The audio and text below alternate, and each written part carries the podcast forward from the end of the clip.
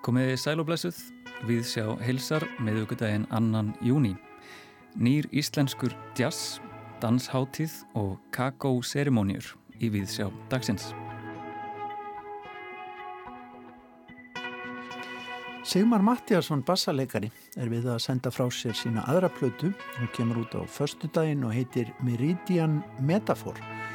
Rétt eins og áviðum fyrstu plötu Sigmars Aurora frá árinu 2018 er hann að vinna úr áhrifum frá námsármanns í New York, meðal annars áhrifum frá tónlist Balkanskahans sem hann var fyrir þar. Sigmar Mattiasson er með eðal hljómsveiti í kringum sig á nýju plötunni og hann verður tekinn tali í síðar hluta við sér í dag og við heyrum tónlista þessari óutgefnu plötu. Og hér eftir stuttastund hugum við að vorblóti Sameinlegri dansháttíð Tjarnabíós og Reykjavík Dansfestival sem fer fram dagana 3. til 7. júni. Þau eru að fá sér sæti hérna hjá okkur í efstaleitinu þau Pétur Ármannsson, listrænt stjórnandi hátíðarinnar og Steinun Ketilstóttir, deildafósiti sviðslista deildar Listaháskóla Íslands. Við heyrum af langþráðu hátíðahaldi og veltum fyrir okkur hvernig listamenn sem vanir eru að vera á yði hafa haldið sér á hreyfingu að undanförnum. Og svo heyrum við af kakoserumónium sem að þykja vist allra meina bót. Dölum við Lilju Dögg Tryggvadóttur en árið 2019 rannsakaði hún fyrirbærið í reitgerð sem hún kallar kakoserumóniur, nótkun kakos á 21. öldunni í heilunar og slökunartilgangi. En fyrst, dans, dans, dans.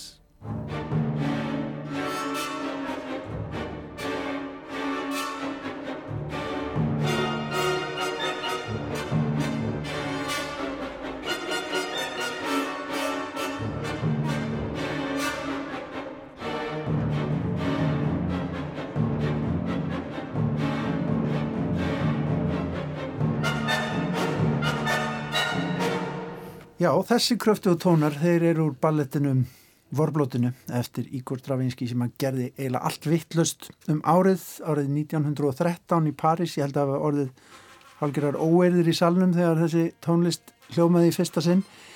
En Vorblót, það er heiti á danslistaháttíð sem að hefst á morgun og stendur fram til sjötta júni í Tjarnabíói og víðar um bæinn og þetta er uh, samstagsverkefni Tjarnabíós og Reykjavík Dansfestival. Og þau eru komin hingað tveir aðeila sem að taka þátt í hátíðinni Pétur Ármannsson sem er annar tvekja listrætna stjórnenda hátíðarinnar og Steinum Ketustóttir sem er þáttakandi í hátíðinu og, og sviðsstjóri sviðslistabrautar í Listaháskóla Íslands. Dildafósiti Sviðslista deildar. Og deildarfórseti sviðslista deildar í Listaháskóla Íslands. Velkomin bæðið tvö. Pétur sko hérna þessi hátíð hún er vekseila út úr Reykjavík Dansfestival, er það ekki? Uh, jú, þetta er sem sagt um, þetta er sem sagt sameilega hátíð eins og það segir Tjarnabíós og Reykjavík Dansfestival. Mm -hmm. og kannski er ætlað að svara svolítið bara uh, þörf danssenunar hérna á Íslandi sem er bara, uh, er bara að stækka rosa hratt og ört og, og hérna og var svona svolítið hugsuð sem tækifæri fyrir uh, hérna listamenn hérna á Íslandi til þess að að bara fá fleiri tækifæri til að sína dansverk sín mm. og, og hérna og búin að vera ganga núna í nokkur ár um, var frestað á senast ári og var frestað aftur núna í apríl en núna bara vonandi vonandi gerist ekkert ræðilegt í dag þannig að við getum bara haldið hátíðina með pompi og prakti mm. á morgun mm -hmm. Og með við forunast uh, hvað verður á dasgráni þetta árið? Já, þokkalega uh, á morgun byrjum við með sagt, uh, með opnunarparti þess að við bara bjóðum danssenunni og dansunnendum að hérna að koma og fagna með okkur og í rauninni bara að saminast eftir hennan langa, langa vetur og við ætlum að vera með hérna, DJ, Mr. Silla ætlar að DJ-a fyrir okkur, vonandi í sólinni frá, frá 7 til 8 og svo byrja dagskráin eh, inn á sviði klukkan 8 og við verðum með verðum með fjöldan, fjöldan allan af listamönnum sem ætla að koma fram þarna og kannski gefa svona smá insýn inn í það hvernig það er búið að vera að starfa og, og lifa sem listamæður senasta árið og hvernig mm. það er að einhvern veginn sem sviðslistamæður að, að hérna, aðgangur þinn að áhörundum er bara tekin af þér mm -hmm. þannig við ætlum einhvern veginn að reyna að búa til einhvern veginn svona pínu plattform fyrir það samtal það sem að hérna Katrín Gunnars, Saga Sig uh, Michael Richard, Melanie Noel og Leini Adriði uh, þau, hérna það er Leini Adriði, sko, hann verður að vera Leini Adriði um, þau ætla að koma að vera með lítið svona show and tell þannig að lítinn performance og líka ræða við áhörundur og, og við hvort annað mm -hmm. og vonandi einhvern veginn svona, bara svona reyna að melda í saminningu með áhörundum hvað er eiginlega búið að vera að gerast mm -hmm. og uh, þetta er sérsagt opnunarpartíð á morgun uh, svo á förstu daginn er Júliuduettin uh, eftir Ernu Ómars og, og Höllu Ólafs og þær eru semst að vinna út frá hérna Prokofiev balletnum uh, Rómi og Júlia nema núna er það bara Júli og Júlia uh, Rómi og bara sleft Já, já, já, það er bara hans er ekki, við þurfum ekki þörf fyrir hann lengur. Uh, og, svo á laugadaginn klukkan eitt á dansvegstæðinu þá er verður haldið baby rave. Þetta var eitt af því sem við vildum og fengi tækifæri til þess að útskýra betur. Ég þarf að útskýra þetta eitthvað. Eh, þetta er sem sagt bara við ætlum að bjóða börnum bara alveg niður í einsás eða bara öllum þeim börnum sem hafa áhuga á því að koma að dansa að mæta á dansvistæði og dansa við DJ Íva Pétur og börnum mega taka fóreldra eða fjölskylduna sína með ef þau vilja og það verður svalaferna í bóði og það verða diskóljós og allt og hérna vonandi bara getum við fengið smá útrás saman og kannski kynst kynst hverju öðru og fjölskyldu okkar mm. með því að dansa saman. Mm.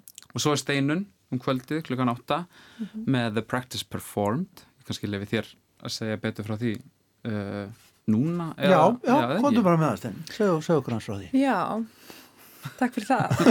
Henda bóltanum tímin Hérna, já, við ætlum að frumsýna á lögadaginn The Practice Performed 050621 sem er dansverk sem er skapað í rauntíma. Þannig að það er bara eitt verk, það verður aldrei flutt aftur verki sem verður á lögadaginn.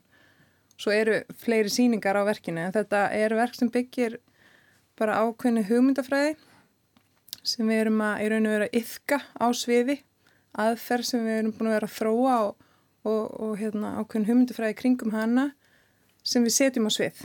Þetta fell svolítið í tillinum, the practice performed. Þetta er mm. í raun og veru uh, performansin í praktikinni og praktikinni í performansunum. Það eru sex dansarar á sviði, tónlista, uh, tónskáld og ljósahönnur og allir þættir verksins eru skapaðir í augnablíkinu. Þannig að bæði dansinn sem að gerast á sviðinu, uh, tónlistin og ljósin eru hönnuð bara já, það er bara nýtt sem gerist okkur einsta kvöldi, ég var að koma af reynsli og það var geggjað og það verður aldrei aftur. Og þú veist, það er tilviljunarkent hvernig uppbyggingin á uh, verkinu verður er hvert kvöld. Við þess að draugum upp úr uh, kössum, hérna rauðin á adröðum, draugum þess að hvaða eru margir dansara á sviði, hverju sinni, hvaða dansara það eru og í hver langan tíma. Og þetta eru 53 mínútur af að mismöndi senum með dansurum sem búa til þá eina heilt og þessi tilviljuna kenda uh, röð býr til svona ákveðna dramatúrkju. En mætti ég kannski spyrja, uh, er þetta þá líkt og kannski snarstefjun eða improvisation í tónlist? Já. Eða eru kannski sterkari reglur sem grýpa auðvitaðnum? Það er ákveði regluverk og það er ákveði kerfi sem við erum að fylgja. Við erum alltaf fyrst og fremst að fylgja þessari aðferð sem við erum búin að vera yfka og þróa núna í já, næstu fjör ár sem er bara aðferð við það að hérna, skapa hreyfi efni. Þar sem við erum að, að stilla okkur inn á mismunandi næmni og hlustun fyrir uh, rýminu, fyrir uh, tónlist, fyrir uh, hérna, ákveðinu skúldur eða ytra auganu og svona innri langanir. Þannig að þetta er svona, við erum að vinna mjög mikið með bara næmni og hlustun og það er svona ákveðin núvitund sem verður að eiga sér stað í bara í augnablikinu og þú veist og þegar við erum að yfka og við erum í raun og verið að sviðsetja það en við þurfum að búa til einhvern ramma þannig að þetta er ekki alveg opið skor. Veist, með því að segja þetta er bara 53 mínútur og það eru svona marga senur þannig að það er svona smá koreografía í raun og veru sem við erum búin ákveða fyrirfram.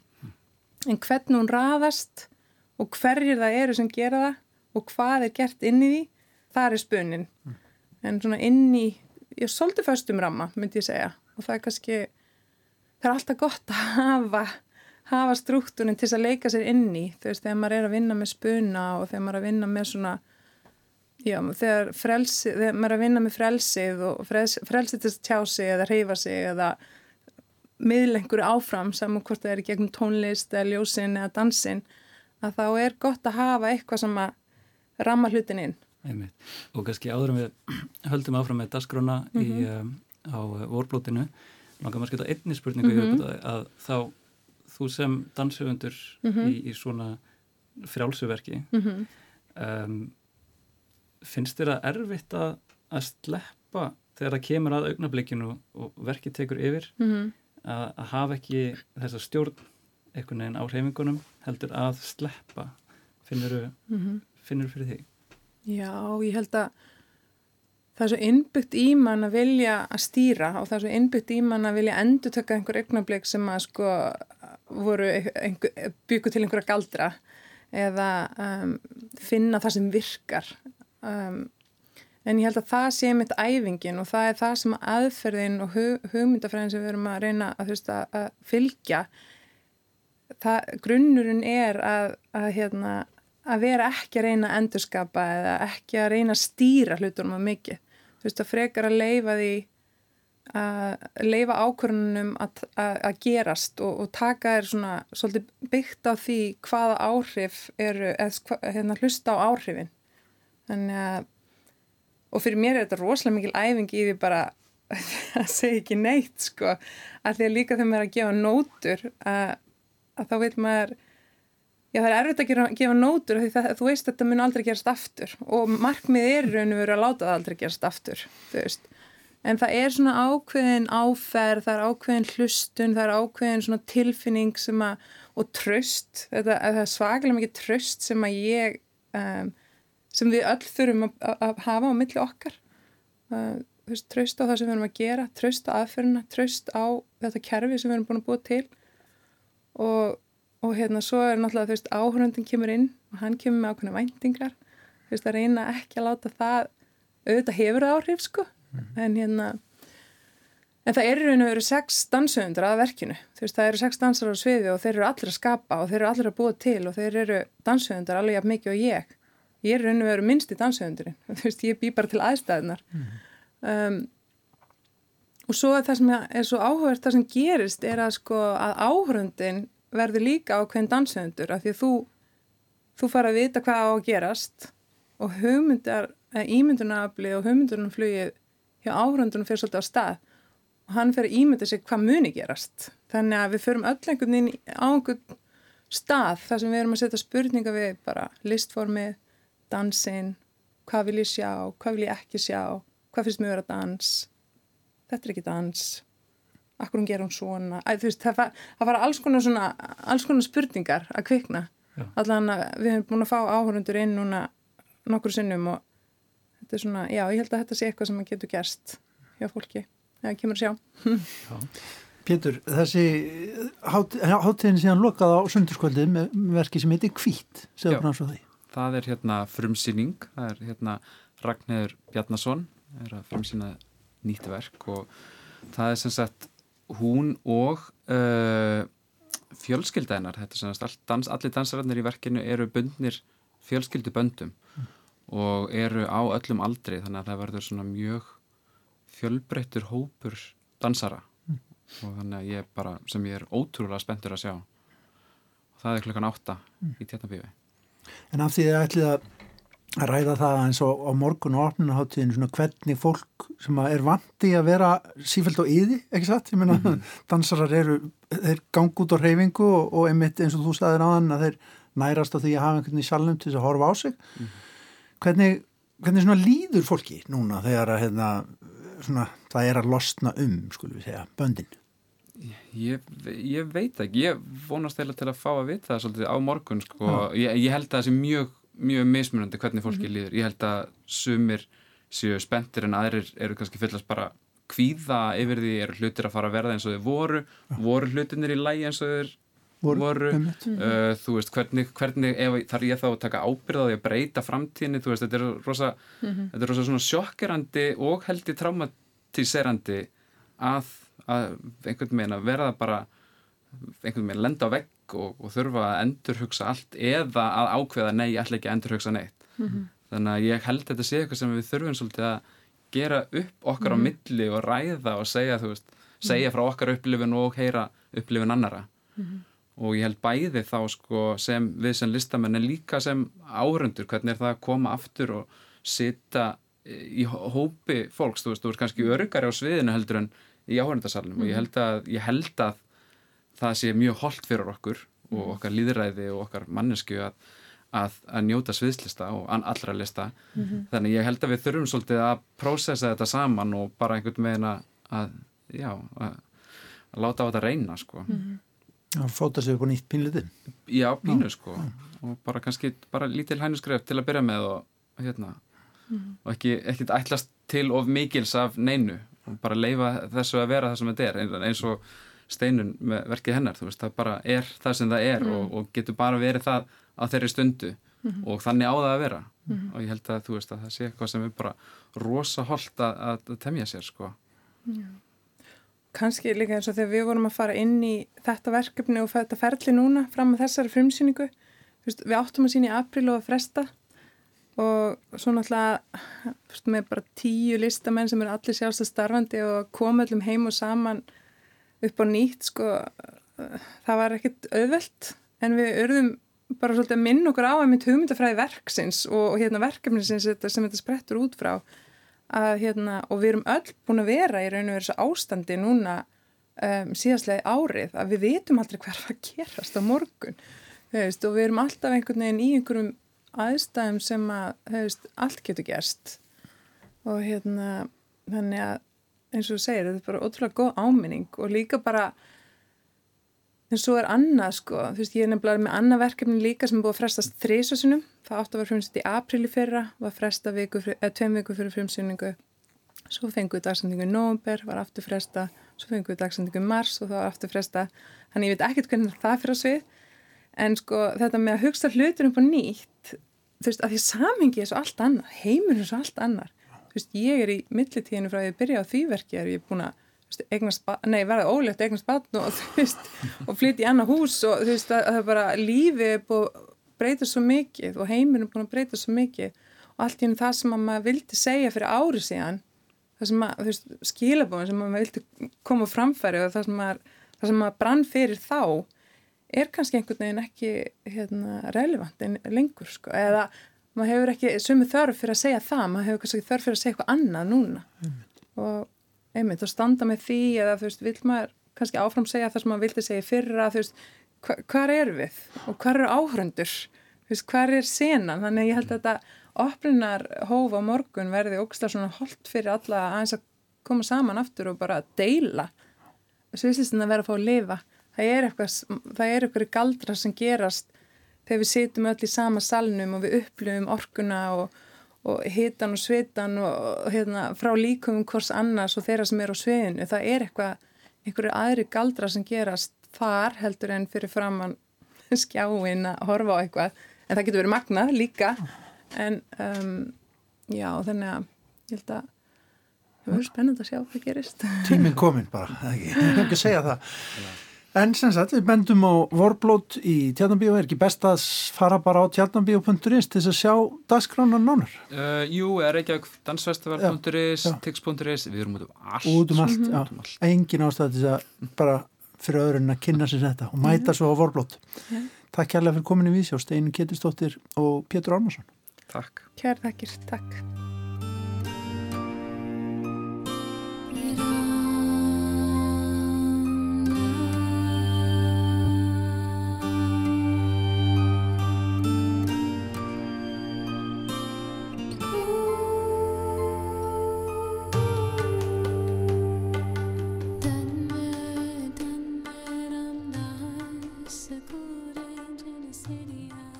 Undanfarna daga hef ég verið eldur af mjög ákveðinni gerð af auglýsingum.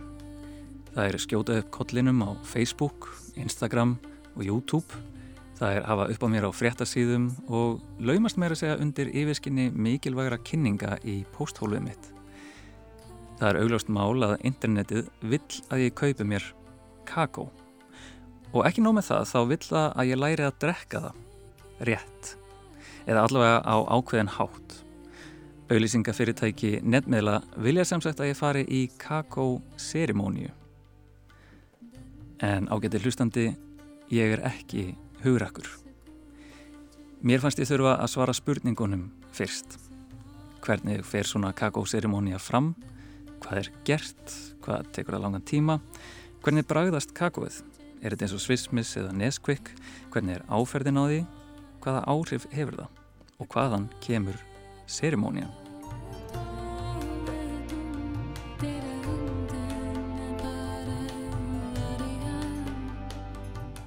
Til að fá svör við þessum spurningum fekk ég til mín Lilju Dögg Tryggvadóttur en árið 2019 rannsakaði hún fyrir bærið og skrifaði út frá rannsókninni BA-reitgerðina Kakó-serimóniur Nótkun kakós á 21. öldinni í heilunar og slökunar tilgangi. Og Lilja Dögg, hvernig fer svona vennjuleg kakó-serimónia fram?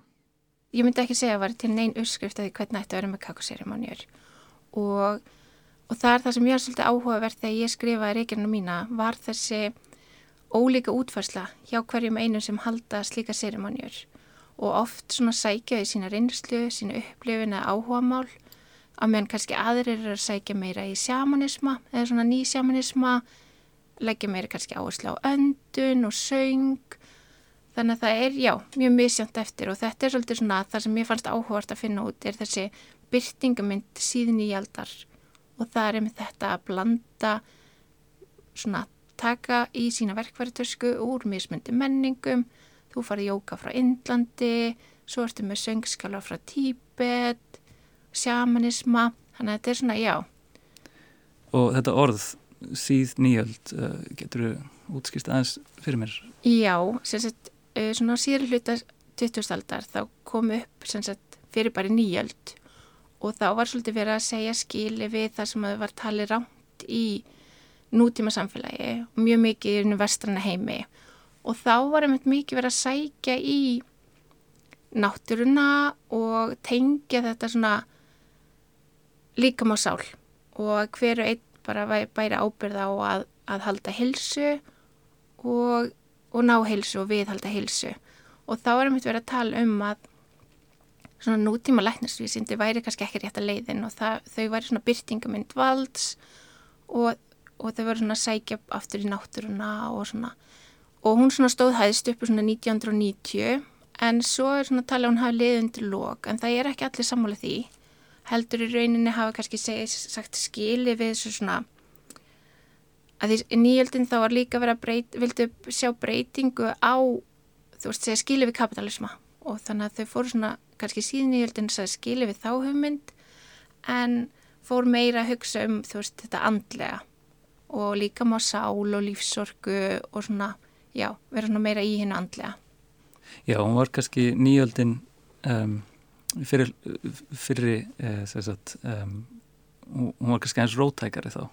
Já, og ég myndi alveg svona, mín hugmynd að henni fór að skrifa reykjarna og var með eitthvað svona heiti á þetta, var bara svolítið svona kannski leifar að hippunum svona hippa tímubilinu en í rauninni þá svona talar alveg við nýjöldina samt sem áður þó að það er skilið við einhvern ánganar.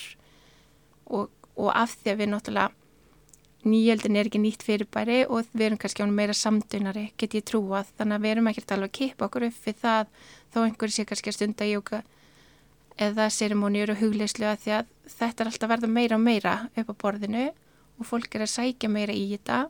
Þannig að það var svolítið áhugavert að með það skoða þetta svona út frá nýjöldinni. Kakóið sjálft.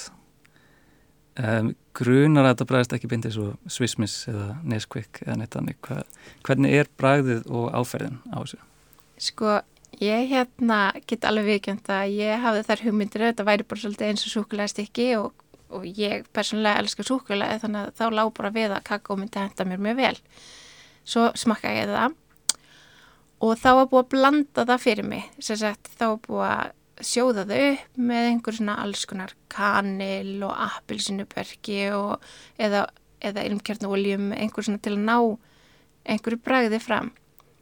Og mér finnst það bara dásalegt þannig að ég bara kefti mér kakó og fór heim og, og sög kakó með einhverju jörtamjólk og það var bara hræðilegt.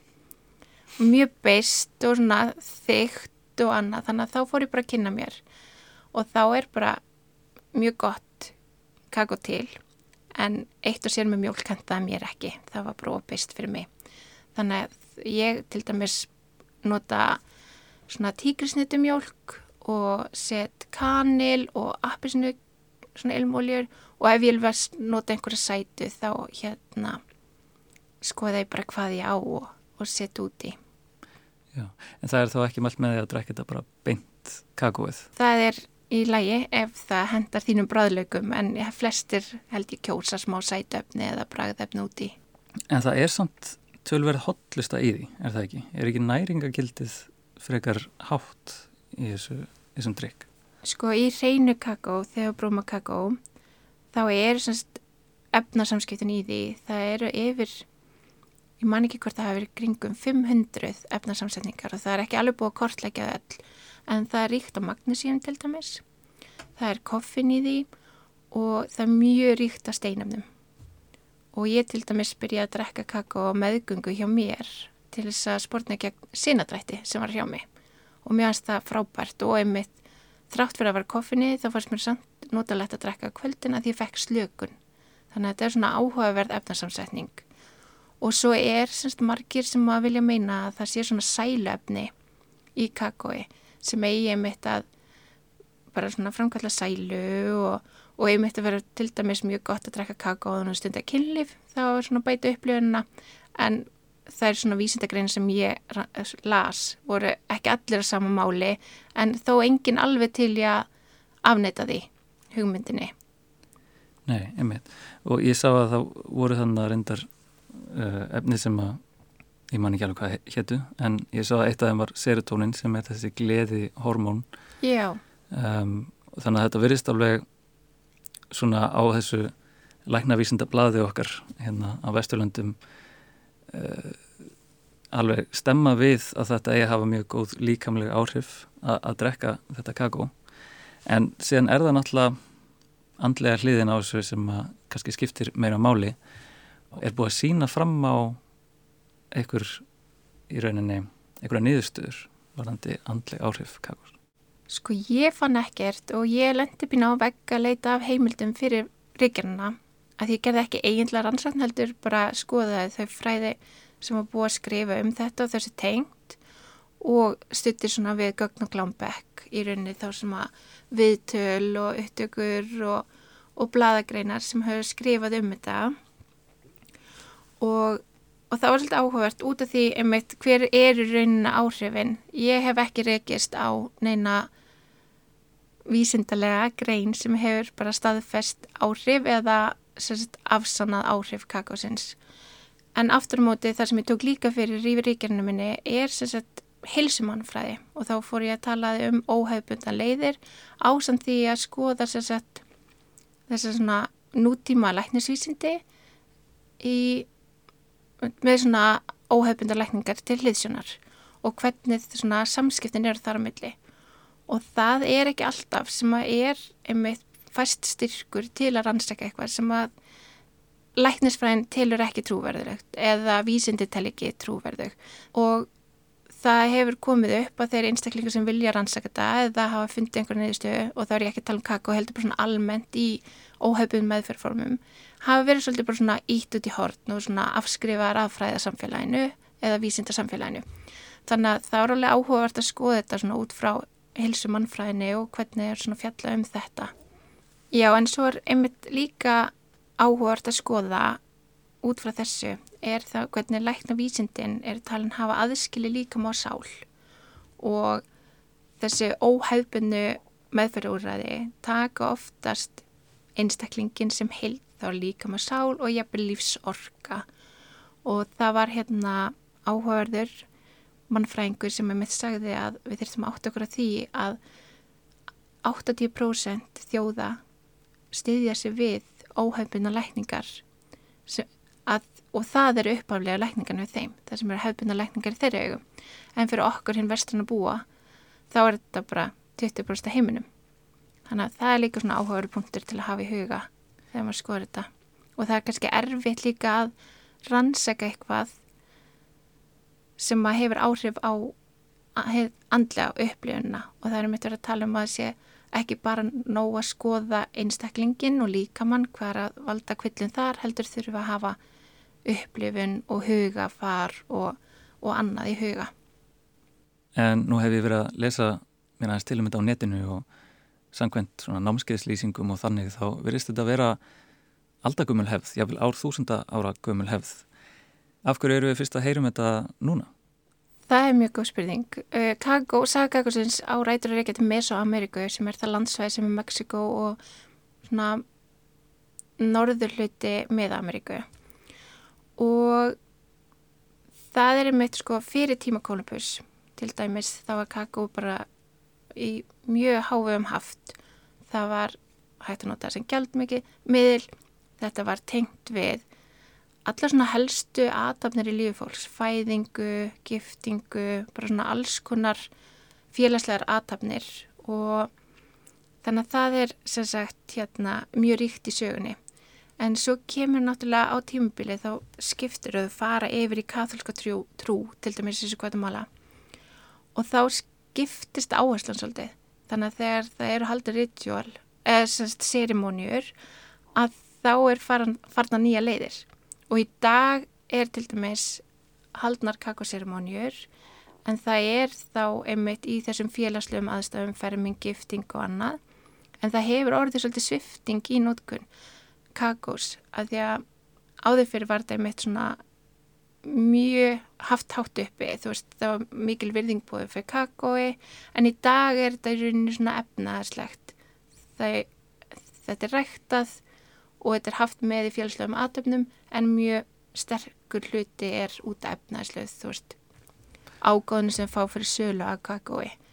En svo náttúrulega bara með nættvæðingu þá eru bara landamæri fann að, að hérna vera óskýrari og við erum bara fann að ferðast meira mannfólkið þannig að við erum margir sem fara til dæmis til Guatemala og hafa þá uppgötta kakóið Síðan um, langaðum við svolítið að velta fyrir mig líka bara hvernig er þín tilfinning fyrir lífi kakóseremónia á Íslandi? Er, er þetta vinsælt eða er þetta ennþá að fóta sig?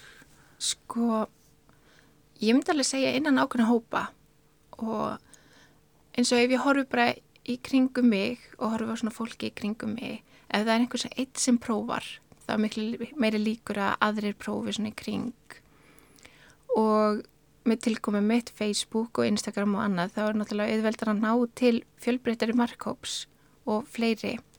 Þannig ég myndi alveg segja að þetta er svona eins og komin á þann. Þú veist, þetta er ekki eins nýtt á nálinni. Við erum að verða meira samtunni einhvern svona óhaupunum leiðum til að lifa lífinu.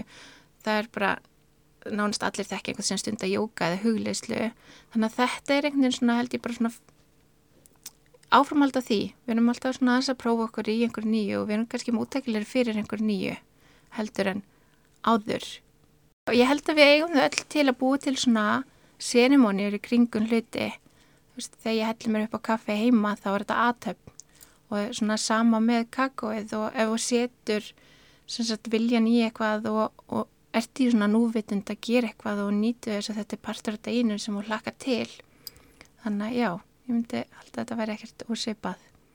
En segðu mér, hvernig kynntist þú kakói og kakóseremónium fyrst? Ég var í jógakennarnámi og við fórum sérst eina helgi saman, allar, við vorum sérst bara konur í því námi og fórum saman upp í Bláfjöll en þar fórum við hópur sem þekktumst ágillega en ekkert sérlega vel og það var svolítið skemmtileg seremónia og, hérna, og þá deildi við svona með hver annari og, og kynntist á einhverju dýbra hérna á dýbri hátt heldur en kannski við hefum alla gert. Þar sem við deildum hann að tveimur dögum saman og einmitt nýttum kakó, drukkum kakó hverjum degi stundum jóka, hugleislu, öndun.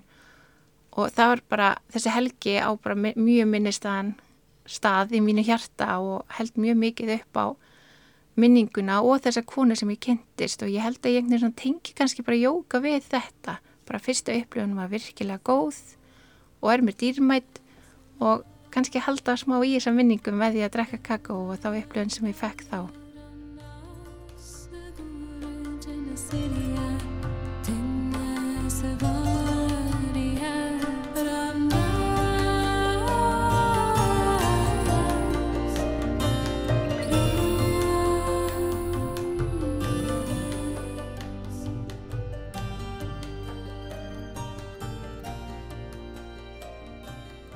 Lilja Dögg Tryggvadóttir sagði okkur frá kakóseremónium, sögu þeirra og samtíð. En þá nýr íslenskur jazz.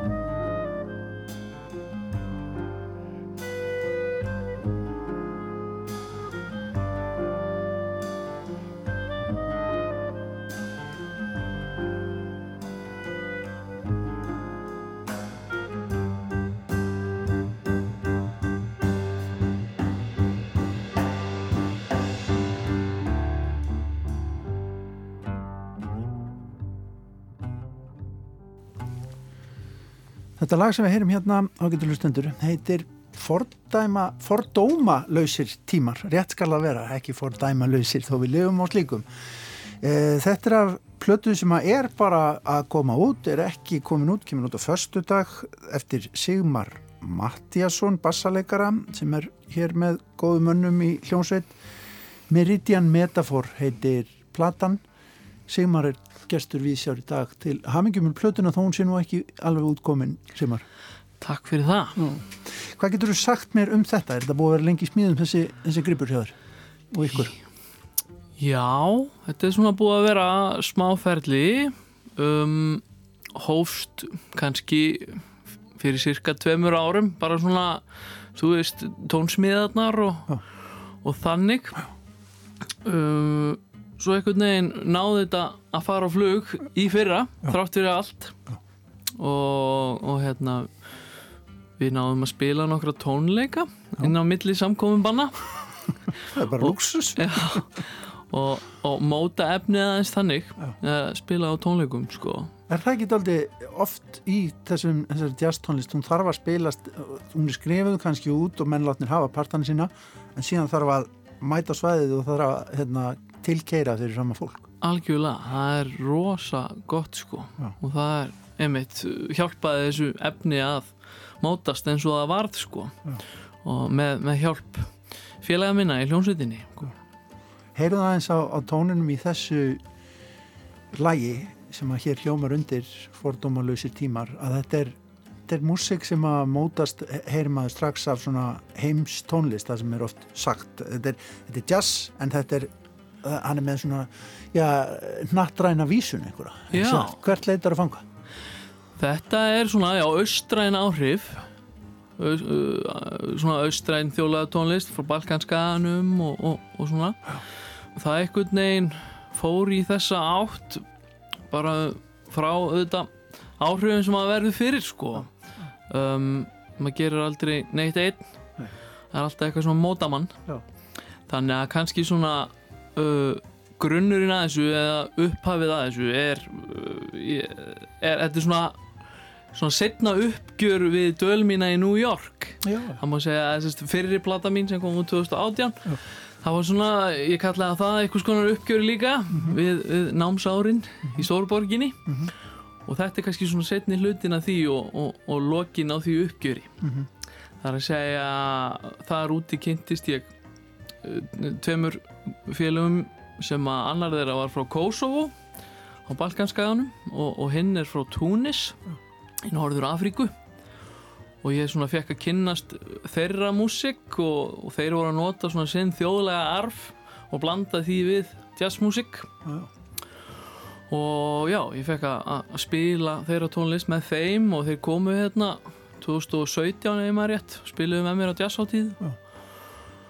Og þetta voru svona grunn áhrifin sem varð svo að þessari músík sko, sem er á, á nýju plötunni Varstu Og- sjálfur í að kynna íslenskan arf fyrir þeim? Svona, ég reyni að blanda því einhvern veginn inn í eins langt og það er hægt sko Já, já.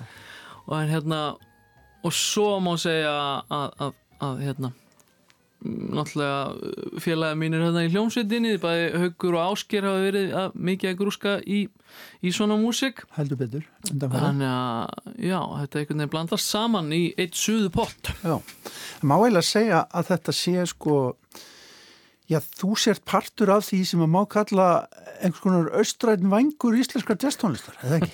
svona, Já, eða þjóðlaga svona vangurinn, skulum við segja. já ég, ég, ég skal alveg samþykja það sko Balkan áhrifin.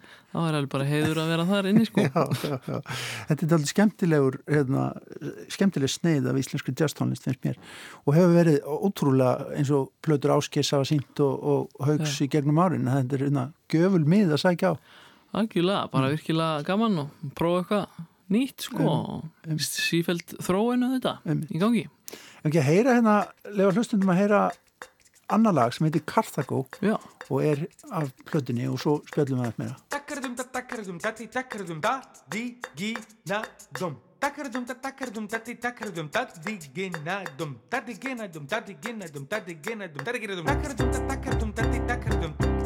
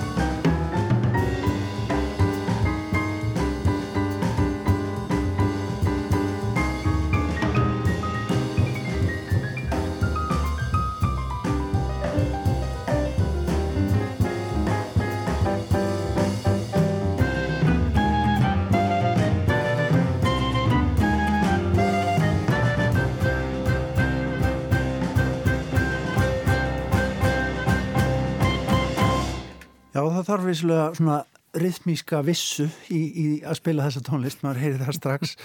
uh, hér eru Ásker Áskersson á út og tam, hvað heitir það? Tambúra. Tambúra, uh, Haugur á klarnettið, Haugur Gröndal, Ingi Bjarni Skúlason á piano, Mattias Hemstokk og trommur, maður heyri það, maður þekkir stílinn og svo Sigmar á bassa. Sigmar, uh, hvernig var dvölðin í New York? Ég meina, þetta er auðvitað suðpottur til þess að hérna, verða fyrir áhrifum og það er þetta að sækja sér tónlistafólk og til þess að rappa við sko úr eiginlega öllum heimsotnum. Akkurat, akkurat.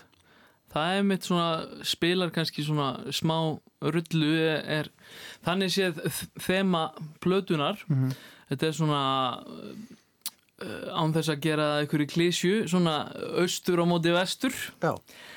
Að segja verandi þarna í, í bandaríkjónum, mm -hmm. en samt verða fyrir áhrifum einhvern veginn úr austri. Já, uh, og, og það er í rauninni titill plötunar sko, það vísar í, í það þar að segja Meridian er, er, er vísar í Prime Meridian sem Já. er miðbökslína Akkurat á millu austurs og vesturs og, og, og metafor er þá að, að ég er að einhvern veginn í hverju lægi fyrir sig að, að, að bræða upp einhvers konar tónmyndlíkingum af fólki og stöðum og upplifunum sem hafa haft áhrif á mig í gegnum tíðina. Já. Við draugum miðbög gegnum kúluna en erum samt á kúlu sem er í ring Já. og þetta er auðvitað bara tilbúningur í höstum á okkur. Já, þetta er allt. Það er hérna áhrifin geta komið hvaðan sem er. Hvernig hérna, þið takkið þetta upp í sundlöginni, mann heyri það hljómarinn er góður. Já, Hvað, fyrir það. Hérna, hvernig gengur upptökur? Bara rosa vel sko, við, við náðum að eins og ég segi, einhvern veginn á milli samkomi banna í haust að, að spila nokkra tónleika í september og, og fórum svo í stúdióið í oktober, mm. tókum upp með honum Bygga í sundlöginni, Birgir Jón Birgisson, mm -hmm. sáum upptökur og svo var það Finnin Knái, Matti Kalljó sem sáum að hljóðblanda ja. og svo sendi hann sendi hann þetta út til Finnlands í masteringu mm -hmm. til félagasins þar Páli Sastamóinin Já, já, Ná, það er finnsk áhrif líka já, og góð já. Já. Sko ertu komið strax ég veit að þetta er bara ekki komið út en hérna ertu strax komið með á prjónana næstu verkefni að myndu halda áfram í þessum hvað maður segja, etníska jazzi eða, og fara lengra inn á þær lendur heldur við eða, eða Já, mér langar svona aðeins að að, að, að halda áfram mm. með þetta uh, svona, já að gera eitthvað, eitthvað svona framhald af mm. þessu verkefni mm. bara mér finnst samstarfið vera svo rosalega gott með, með þessari hljómsveit og allir er einhvern veginn svo mikið til í þetta og jákvæðir og ég er bara æfinlega þakklátur fyrir það -hmm. þannig að já, við ætlum að ætlum að reyna að spila núna eitthvað í, í sumar og eitthvað inn í haustið og veturinn kannski mm -hmm. kynna, kynna þessa blödu Já. og við verðum sérst með útgáðu tónleika núna á fastu daginn 4. júni okay. í Kaldalóni Hörpu Já. klukkan átta þannig að svo, já, sjáum við til. Tónlistarlífið er svona að að jafna sig. Já, um, aðeins að lifna um, við. Og svo verður held í næsti vetu bara dundur við ekki bara segja það? Jú, klálega En ég baði um að velja hérna fyrir okkur hljóminn af, af uh, öðru lægi í lokin Sigmar Mattiasson af Meridian Metafor plötunni uh, þú valdir hérna lag sem að reyndar ég snýst nú um allt aðra borg, ekki New York, heldur Berlín Já, reyndar. Þú hræri í eigin konsepti. Já, það er uh, já, það er samt sko hefur tengingu, það er að segja að ég kynntist enn öðrum vinið mínum sem var frá Portugal um, og en hann fluttið svo til Berlínar. Já. og ég fór í heimsokk til hans þangað og, og, og borðaði bakalá í Berlín. Já, Nei, þetta er saltískur í, í, í hérna Berlín. Já. Ég heyri að það, þú hefur hérna, Svonir Jassin sko, hann er svo, svo alþjóðlegur. Algjörlega. Og það er hægt að tengja sig í ýmsar áttir. En ég segi bara til hamingju uh, Sigmar Mattiasson og félagar með Meridian Metafor og, og gangu vel að spila og kynna í framhaldinu og, og við fáum smá meiri jazz, Takk fyrir. saltfiskur og